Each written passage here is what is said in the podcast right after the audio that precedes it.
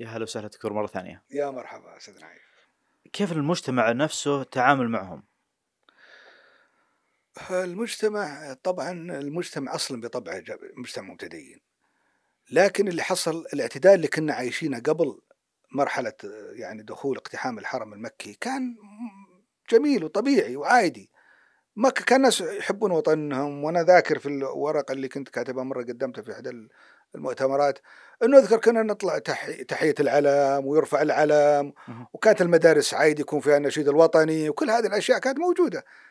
لما بعد الفترة بعد تغيرت المدارس. أصبح يعني تغير جذري وتحويل إلى أفكار متطرفة متشددة تنظر إلى الفكر ال- ال- ال- الوطنية هذه إنها وثنية وإن هذه ما لها لا ينظر لها. وبدأوا يجندون هالشباب الصغار. ودول الشباب لقيناهم في يحاربون ويذبحون ويقتلون. يعني لا يمكن إنه شاب يعني آه، يعني يفجر نفسه ويحب وطنه. لا يمكن. لكن للأسف المعلمين معلمين بعض المعلمين بالذات العلوم الشرعية آه، يأخذون الأفكار وي- وي- ويبثونها للطلاب. معلمين حتى في تخصصات علمية أخرى. أما بالنسبة للمجتمع فالمجتمع هو يسير وفق ما موجه له. يعني صارت جت فترة مثلا يعني تقص- استقصاد النساء في لبس معين في شكل معين منع مظاهر الفرح والسرور منع أي نوع من أنواع ال- البساطة في الحياة الاجتماعية تش- أخذ المظاهر المتطرفة جدا جدا. العمل على يعني يعني تسفيه أي واحد يقول برأي غير رأيهم. يعني وصف وضع المجتمع تقسيمه الصحفيين والإعلاميين هذول علمانيين هذول آه، يبغون يضرون البلد. خلقوا فجوة خلقوا مشكلة. هذه كلها راحت الحمد لله. الحمد لله. الآن فبالتالي هم بهذا الشيء المجتمع تأثر. آه، دور المثقفين والنخبة خلينا نقول والإعلام في ذيك الفترة آه، كيف تعاطوا مع موضوع الإخوان؟ والله أول شخص الله يغفر له ويرحمه يعني كان. حازم في هذه المسألة كان معالي الدكتور غازي القصيبي. ودخل معهم في صراعات قوية حتى لا تكون فتنة وألف كتب وجابهم بأشرطة صوتية وحاورهم ويعني هم ما قصروا فيه وسفهوا فيه وبهذلوا يعني وسووا فيه أشياء كثيرة جدا فكان أي واحد يقف ضدهم بهالمستوى آه، الأستاذ تركي الله يغفر له ويرحمه جريدة الرياض كانت وقفت بقوة وحزم وصراحه آه، كان أيضا حازم في طروحاته في مقالاته. فكانوا أشداء على أي أحد مثقف ومفكر ومعتدل حتى لو كان مسؤول حكومي. كانوا يعني يواجهونه حتى يعني خالد الفيصل. ما قصروا في خالد الفيصل في من كثر ما كانوا يهاجمونه مع أنه كان يعني معروف يعني آه، منهجه الوطني. لهذا أعتقد أنه المثقفين كانوا يحاولون يكتبون. في ناس مسكت- مثقفين الحقيقة. يشار لهم بالبنان في طروحاتهم في ثقافتهم في وعيهم ومعروفين للمجتمع. قالوا آراء وحوربوا وهمشوا يعني و- يعني وتم الحقيقة يعني آه، مضايقتهم في أعمالهم في رزقهم في مستقبلهم. ومع ذلك هم في نهاية الأمر طلع الحق. إحنا عندنا رؤية 2030 الحمد لله. عندنا وطن عظيم عندنا وطن آمن مستق- مستقر ولله الحمد. هذه نتاج يعني الناس اللي واجهوهم أيضا كان لهم موقف في في معارض الكتاب. كانت فترة من فترات يا رجل شيء عجيب جدا. قصة ثانية. قصة ثانية فعلا. عرفنا موقف المثقفين وحوربوا ومنعوا بشكل كبير حتى البعض منهم كفر في ذيك الفترة. نعم صحيح. طيب كيف تعاملت الدولة؟ آه يعني الدولة الحقيقة كانت آه أيضا في مثلا موضوع معرض الكتاب. كان هناك كثير من التحرك ضد الكتب وضد آه، دور النشر وكان في إيذاء كثير للمجتمع. وأتذكر هذه حقيقة للتاريخ الأمير نايف الله يرحمه الله يرحمه آه، يعني آه، سألني سؤال قال والله أنا أعتقد أنه معرض الكتاب هذا لازم يتوقف جاي التوجيه كان من الملك عبد الله أنك الآن اتخذ قرار لأن من كثر ما كان في انتقادات كثيرة على. على معرض الكتاب. فسألني أنت وش رأيك؟ قلت يا سمو الأمير معرض الكتاب أنت تتكلم عن مكتبة. ناس رايحين المكتبة زي ما الناس يروحون لمكتبة العبيكان أو مكتبة جرير ذيك الأيام. أو زي ما يذهبون إلى المولات والأسواق. يذهبون فالواحد داخل هو وزوجته وعياله وبناته ويدخلون يتقضون. فهذا هو هذا معرض الكتاب هذا أولا. ثانيا وهذا شيء مهم يا سمو الأمير. وكنت أنا مجهز بعض المعلومات لأني أعرف إن هذا الموقف اللي كان حاصل.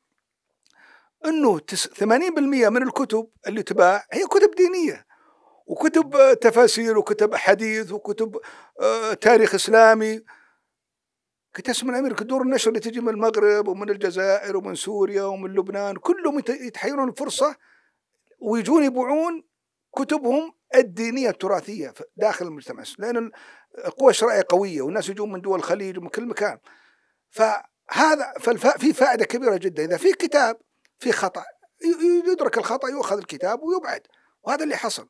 فما بس هو الدو... السبب هو ما يبغون منشط ثقافي فكري اجتماعي. الدولة ترعاه والناس تنبسط منه يحاولون يحاربونه. هذا اللي حاصل سمو الأمير. فقال اقتنع قال فعلا أنا انتبهت. وفعلا رد واستمر معرض الكتاب. هذه حقيقة تاريخية أقولها.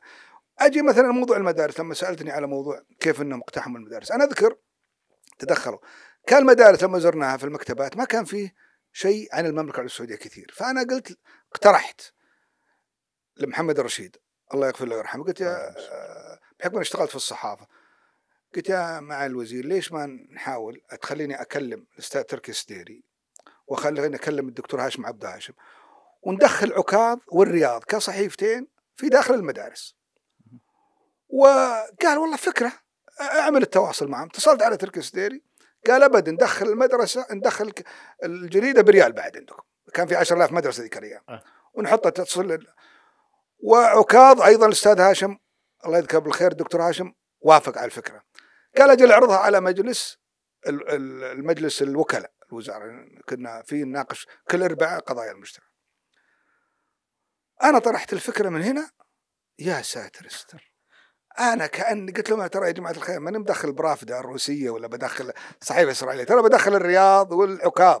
الرياض وعكاظ تنقل أخبار وولاة الأمر اللي يحفظهم وأنشطتهم والطالب يعرف كيف الدولة فيها من أنشطة وقرارات و... لا لا ما يحتاج ندخل الطلب فيها فيها موضوعات آه، رياضة وفيها موضوعات. طيب والرياضة؟ كلنا نشوف رياضة. المشكلة فيها؟ إيش المشكلة؟ فللأسف الرشيد وقف قال والله يا دكتور أنا ما أنا يعني شفت أنت رد الزملاء طبعا بعضهم بعضهم اللي معي كانوا أيضا على استحياء. فراحت مثل هذه الفرصة. هذا امتد الحقيقة تأثير على الإعلام. لما الأمير نايف قال قولته القوية في موضوع أس المشاكل من الأخوان المسلمين المقال الأخوان المس... الجريدة السياسة الكويتية أحمد الجار الله عندما يجري حوار وأنا كنت حاضر الأمير نايف الله يرحمه أحمد الجار الله سعود المصري كنا قاعدين فقط لمدة حوالي ثلاث ساعات الحوار. جاء عادة بعد ثلاث بعد ينشر لما ينشر في السياسة ينشر في جريدة الجزيرة تزامنا.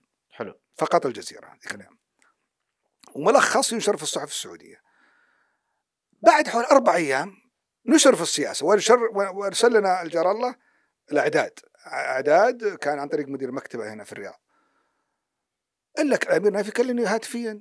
قال يا سعود أنا أتذكر إنه لما أجري يجري الملك فهد. الله يرحمه. آه، مقابلة أو الأمير سلطان الله يرحمه أو الأمير نايف ذيك الأيام أيضا الله يرحمه. مقابلاتنا تنشر في الجزيرة كاملة مفصلة باتفاق بين السياسة والجزيرة. وملخص يذهب إلى آه، بقية الصحف. ليش ما نشرت؟ استغرب. أنا كلمت مدير عام وكالة الأنباء السعودية وهو موجود الله يذكره بالخير عشان يذكر القصة ولا لا؟ الاستاذ محمد الخضير وهو أستاذ مقدرة. قال والله أنا جتني المقابلة ورفعتها لوزير الإعلام كان معالي الدكتور فؤاد الفارسي. كلمت مدير مكتبه وقلت يا أستاذ آه، أبو أسامة أعتقد آه، أسامة الصباغ رجل فاضل. قال أنا جتنا المقابلة وأن الوزير وجه انها ترفع للديوان الملكي. رجعت للأمير وبلغته قلت هذا كلام وزارة الإعلام. قال كيف؟ أنا بعد كل هالسنين الطويلة في الأمن وأمن الحج وأمن الوطن وكل شيء ورئيس المجلس الإعلام أنا ما أعرف وش أقول. أنا ما أبت في موضوع يخص مقابلة تخص هذا الوطن. طيب طيب نزل السماعة خلال يعني بالكثير ساعة ساعة ونص إلا هي جايتنا. جاي توجيه إنها تبث في جميع الصحف السعودية كاملة وكاله حتى الرياض بثتها وكاله الأنباء السعودية. نشرت بعد أربع أو خمس أيام ليه؟ لأنهم عملوا محاولات المتنفذين من جماعة الإخوان المسلمين سواء كانت داخل وزارة الإعلام أو في أجهزة أخرى إنهم يمنعونها يمنعونها لأنها فعلا تعتبر يعني حدث تاريخي مهم حول فضح هذه الجماعة وتمكنها داخل وتغلغلها داخل أجهزة الدولة. يعني اللي حاولوا يمنعونها هم جماعة الإخوان إي نعم بعض المتنفذين منهم اللي لهم ولاء لهم يعني إيش معنى ان إنها ت- تبث فورا؟ لمدة أربع خمس أيام حتى يضطر الأمير نايف إنه يعقب نفسه ويسأل ليش؟ وهذا شيء موثق وتاريخي. بثت وإحنا الآن نتحدث عنها بعد كل هالسنوات لو ما بثت كان نسيت. ما حد عنها. نعم. أه، برجع برضو لسؤالي مرة ثانية. الدولة كتعامل أوكي عرفنا ما مكتب الكتاب معرض الكتاب كيف تم التعامل معه. أه، بقية الدولة في الأجهزة الثانية كيف تعاملت معها؟ يعني الحقيقة الدولة يا- يعني يعني في شيء الحقيقة حدث مهم جدا. إحنا المواطنين السعوديين يبغى لهم يدركونه. يعني أنا لازم أقوله هنا لأنه في غاية الأهمية.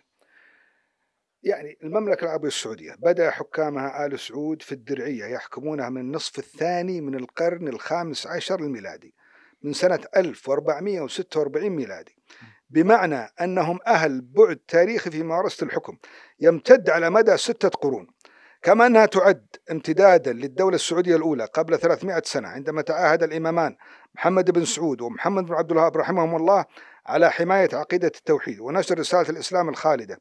ثم جاءت الدولة السعودية الثانية لتكون استمرارا للحاضنة الشعبية التي كانت ترى عزها ومصالحها وصلاحها في استمرارية هذه الدولة التي انبعثت من قلب المعاناة لتكون إرهاصا للدولة الثالثة التي نعيش فيها الآن حيث اهتم فيها الملك عبد العزيز رحمه الله اهتماما بالأمن ونشر الاستقرار وحتى وصلنا إلى عهد سيدي خادم الحرمين الشريفين آه، وسيدي سمو العهد حفظهم الله. يعني بمعنى أنت تتكلم عن ستة قرون. للأسف لما أقعد أتناقش مع بعض الناس اللي كانوا مؤيدين للإخوان المسلمين قال لا يا أخي ترى هذول أيضا ترى لهم امتداد في الشارع. ترى يعني لا نبغى يسوون لنا زي وش امتداد في الشارع؟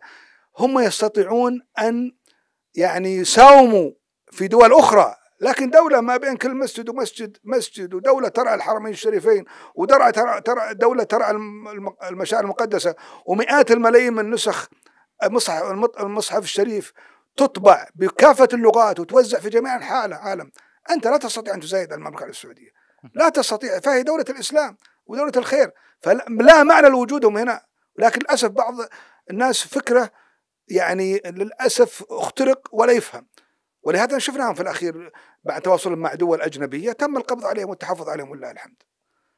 جماعة الإخوان كانت تجهز لامتلاك الدولة أو تأسيس دولة لهم؟ هم منذ أن اللي يقرا فكر الإخوان المسلمين كان هدفهم واضح. أو وكم يعني كان سيد قطب كان يقول المجتمعات هذه جاهلة المجتمعات هذه على باطل. إحنا نقيم مجتمعاتنا نقيم دولتنا. فكانوا فكرهم الخلافة امتداد للخلافة اللي كانت العثمانية أو الخلافات السابقة لمدى التاريخ. فهم كان هدفهم هو تقويض الدول وكان أهم دولة يعني مهتمين فيها المملكة العربيه السعودية. مهم. فكان هدفهم قلب نظام الحكم وتقويض هذه الدولة وكان هذا يعني واضح في أدبياتهم وأفكارهم. الآن الحمد لله الدولة انتبهت لهم آه، بعض قياداتهم الحمد لله تم التحفظ عليهم. الآن الدولة استقرت يا رجل وين كنا؟ نشوف تويتر تويتر كيف كان نزاعات وشقاق كيف الواتساب كان نزاعات كانت البيوت نزاعات كانت ال- الاستراحات نزاعات كنا مختلفين. كنا في شقاق يعني وحروب أي شيء تغيير في البلد أي شيء تطوير أي نهضة. المرأة قادت المرأة ابتعثت المرأة عملت المجتمع متميز الفساد الآن كل يخاف ما يبدأ أي محاولة. البلد آمن مستقر. نحن الآن في المركز الأول عالميا فيما يتعلق لله. والسير ليلا كما المصطلح اللي هم وضعوه. فالحمد لله يعني الآن وين؟ تشوف مع كل ما فعاليات اللي حنشوفها ومظاهر يعني السعادة والبهجة إلى الساعة 4 5 6 الفجر ما تلقى أي شيء ولا تلقى شيء مقيد ضد مجهول. والناس وش تبغى؟ إلا الأمن والاستقرار والخير ولله الحمد. تأصيل هذه الفكرة فكرة الانتماء الوطني نعم. كيف تم؟ فكرة الانتماء الوطني هي تأتي بعدة أشياء، اولا وهذا مهم الاهتمام بالمعلم. يعني المعلم مهم جدا وقبل المعلم أيضا ب- بقائد المدرسة، أعطني قائدا اعطيك جندا. ال- المعلم هو الذي يزرع يعين لك ناس في المجتمع، أحيانا الناس يقولوا والله الأسرة أهم، أنا عندي ال- ال- ال- المدرسة أهم. ليش يا أستاذ نايف؟ لأني أنا الطفل اللي عمره ست سنين هذا بعد 12 سنة بعد 18 سنة بيصير هو آه، زوج. وأب. هالبنية اللي في أولى ابتدائي الآن عمرها ست سنين بعد كم سنة بتصير أم؟ إذا عدت إعداد متميز مكتمل بحب الوطن والتشرب به والخدمة والإخلاص فيه ومحاربة الفساد التقيد بانظمته اخلاقه مبادئه قيمه مجتمعه المحافظة على النظام.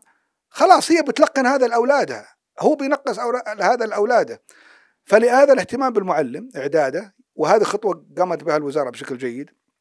بمعنى الوزارة الآن آه، في رخصة معلم في محاولة اختبارات. لا يجب التعليم لا يبقى إلا لمن هو مؤهل يتعامل مع هؤلاء الأطفال. يعني ليس ما نتملى مهنة له. فإذا احسنا بالمعلم وقومناه وطورناه وصار متميز ثم معلم الدراسة الدينية معلم العلوم الشرعية. لما معلم العلوم الشرعية هو اللي يبث الأفكار والطالب يثق فيه.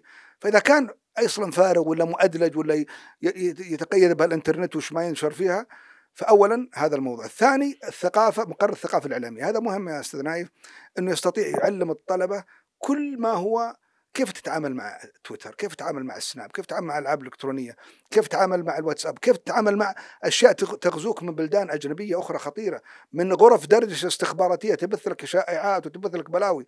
مقر الثقافة الإعلامية من أولى ابتدائي إلى ثالثة ثانوي يعطيك جرعات للطالب وللمعلم جرعات كيف يتعامل مع هذا الجو.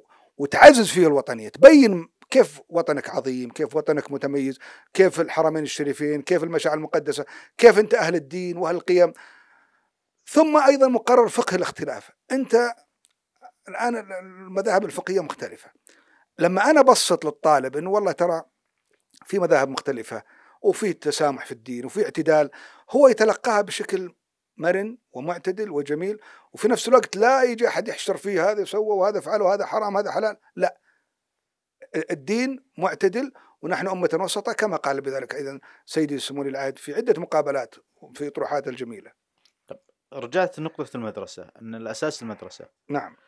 إيش نحتاج عشان نعدل من التعليم؟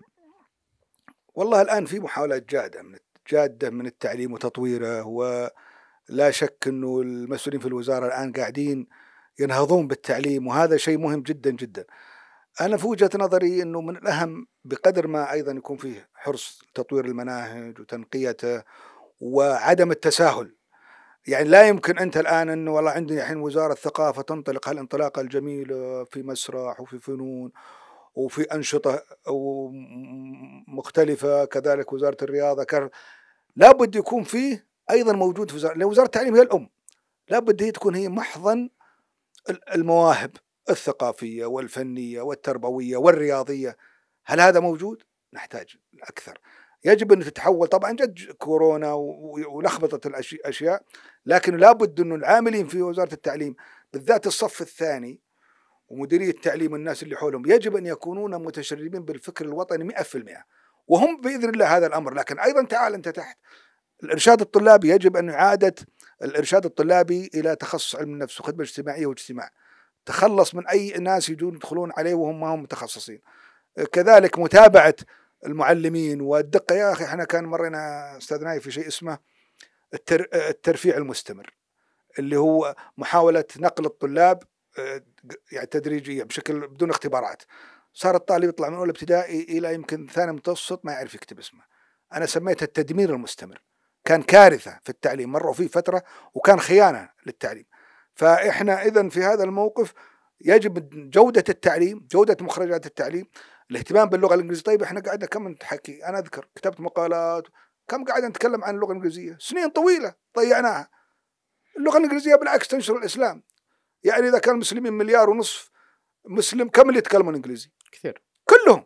يعني عندك 300 مليون اللي يتكلمون عربي. الباقيين معناته إنك أنت لما تنشر هذه اللغة الإنجليزية والناس اللي بتخاطبون بها هي تكون لغة عالمية. حتوصل رسالتك.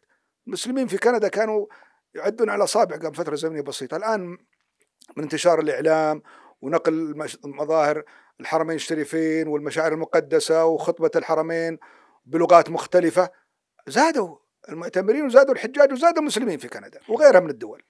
طيب آه، المثقفين والأدباء دورهم في تنمية آه، الروح الوطنية خليني أقول أو ثوابت المجتمع. والله كل الوطنيين عليهم مسؤولية كبيرة جدا في هذا الجانب. أنا لابد الحقيقة أن أذكر بكل تقدير واحترام جهود عظيمة بذلها واحد شخص مثل الدكتور محمد آل زلفة الدكتور محمد العوين الدكتور عبد الله الرفاعي. كان في ناس الحقيقة كان لهم يعني مواقف في مقالاتهم في كتبهم في مؤلفاتهم كانوا واجهوا وتعرضوا. ويعني غازي القصيبي الله يرحمه وش جو في الوزارة وبهذلوه ودعوا عليه. ولكن كان رجل صامد واضح إنه هو رجل وطني يبغى يشتغل. فبالتالي في ناس كان لهم مواقف واضحة ومحددة ما كانوا يتلونون كانوا واضحين. هنا إحنا إذا في الحالة ذي أول شيء إنه الآن طبعا الصحف الورقية كما نعرف قلت أهميتها كثير جدا. أيضا الآن أصبح التوجه إلى السوشيال ميديا. هنا لابد يكون له وقفة مع مع مع السوشيال ميديا. ما يجب إن حقيقة إنه نترك مشاهير التفاهة كما أقدر أسميهم. يعني يصلون يجرون يوجهون المجتمع إلى والله شنطة ومطاعم وسفريات ومدري إيش ناس حتى تعليمهم محدود حتى محتواهم محدود. يجب أنه أي واحد يقدم شيء لهذا المحتوى يجب أن يكون مراقب ومعروف توجهه ومعروف ماذا يقول. ويجب أن يسجل لدى وزارة الإعلام. ويجب أن يكون تحت مظلة مؤسسة بحيث أنه أيضا يؤخذ منه زكاة وضريبة ودخل على على ما يحققونه من أموال طائلة.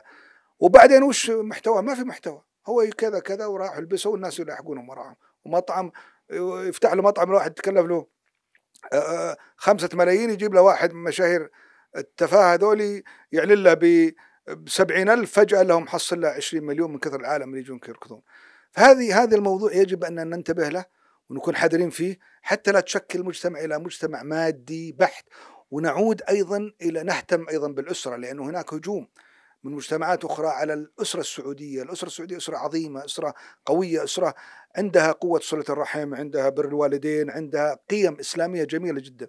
هنا عن طريق السوشيال ميديا عن طريق التواصل الاجتماعي عن طريق تعزيز المثقفين الحقيقيين مؤلفاتهم وطرحهم وبرامجهم. الآن التلفزيون يشهد نقلة عظيمة. أنا على مدى تاريخ متابعة التلفزيون لم أشاهد التلفزيون السعودي زي ما أشاهده الآن. برامج ثقافية برامج وطنية وأشكر بالمناسبة الأستاذ محمد الحارثي على الجهود اللي هو اللي اللي هو عملها في هذه الفترة الزمنية. إحنا بحاجة إلى مثل هذا الطرح الجميل المعتدل. طيب أه لو بقول قيم للجيل الحالي أه كوعي أه وطني ووعي أه في العقيدة بشكل عام كيف شايفه؟ المجتمع الشباب الآن 83% من المجتمع السعودي أقل من 39 سنة. مجتمع شاب المجتمع السعودي الآن مجتمع فيه خير كثير جدا. أول شيء وهذا مهم جدا أنهم يحب يحبون ويعشقون سمو سيدي ولي العهد الأمير محمد بن سلمان. الله يحفظه. ويرونه رمز وتلقاه في جوالاتهم ويرددون مقولاته ويشوفون حربه ضد الفساد ويشوفون حربه وضوحه في التنمية وفي آه، الاعتدال وفي النهضة وفي تطوير المجتمعات. أي شيء الأمير محمد بن سلمان يضعه يلقى ما, ما, ما يقبل إلا أفضل شيء. أفضل شيء حتى على مستوى العالم. وبالتالي فهذا قائد ملهم لهؤلاء الشباب. رباه والده أحسن تربية. و الله ينفع به لهذا البلد ونراه كيف هو الحقيقة منجز ومنتج. الله يعينه ومتع بالصحة والعافية. بالتالي الشباب الآن أنا أشوفهم غالبيتهم الآن الحقيقة اتجاههم إلى العمل إلى الإنتاج. آه، يمكن يقول والله إنه بعضهم عندهم ترفيه. طبعا تفكر إحنا في أعمارنا في شبابنا كلنا يكون عنده ترفيه ويحب سعه الصدر وناس.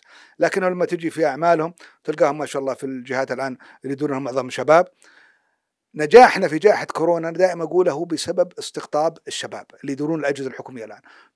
تذهل تدخل لك مثلا هيئة الذكاء الاصطناعي تعشف. كلهم بين 20 و30 و35 معناته أنه من معظم الآن اللي يدورون البلد ويعملون وينتجون والنتائج اللي إحنا نشوفها سواء في الاقتصاد وفي التنمية هو نتاج هؤلاء الشباب. فأنا فخور في هؤلاء الشباب وبوطنيتهم باجتهادهم وأرى أنه بعدين الشابات ما شاء الله لا إله إلا الله. الآن بناتنا كيف؟ شوف كيف إنجازهم وإنتاجهم وعطائهم وإبداعاتهم. نلقاهم في أماكن كثيرة جدا دخلوا الآن في الأمن دخلوا في الصحة يعني هم زمان في الصحة لكن دخلوا بتوسع أكثر دخلوا في في الإعلام في الثقافة. الحمد لله في الخارجية. فكريا. وصلت الشباب وين تتجه؟ والله فكريا طبعا إحنا نحتاج إلى شيء واحد مهم جدا وهذا لن يقوده إلا الإعلام. عفوا الإعلام والتعليم.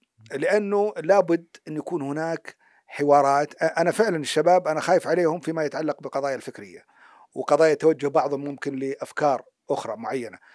لكن إحنا لما نفتح المدارس أنا أعرف واحدة اسمها ومعروفة جدا عضو من الشورى. سيدة فاضلة عظيمة اسمها الدكتورة خولة القريع باحثة في هارفرد وباحثة في التخصصي وباحثة سرطانات ومتميزه ومبدعه كانت عضو من الشورى يعني كنت في حديث معها تقول والله أنا أتمنى حتى الجامعة الجوف اللي أنا كنت في قرية صغيرة في في الباديه الجوف أتمنى أني أنا أروح أتحدث للطالبات وأتكلم معهم. فإحنا يجب أن نأخذ القدوات مدير أمن سابق ألوية ضباط قادة علماء الشيخ السديس الدكتور توفيق الربيعة عبد الله الربيعة ادخلوا خلوهم يدخلون على المدارس الجامعات يلقون عليهم محاضرات يحاورون الشباب. الشباب بدون محاورة من الوطنيين ومن القادة ما ي... لازم يشوف بوصلته. أجيب جراح مشهور قلت تعال ادخل على الشباب الثانويه تكلم معهم وتحدث معهم.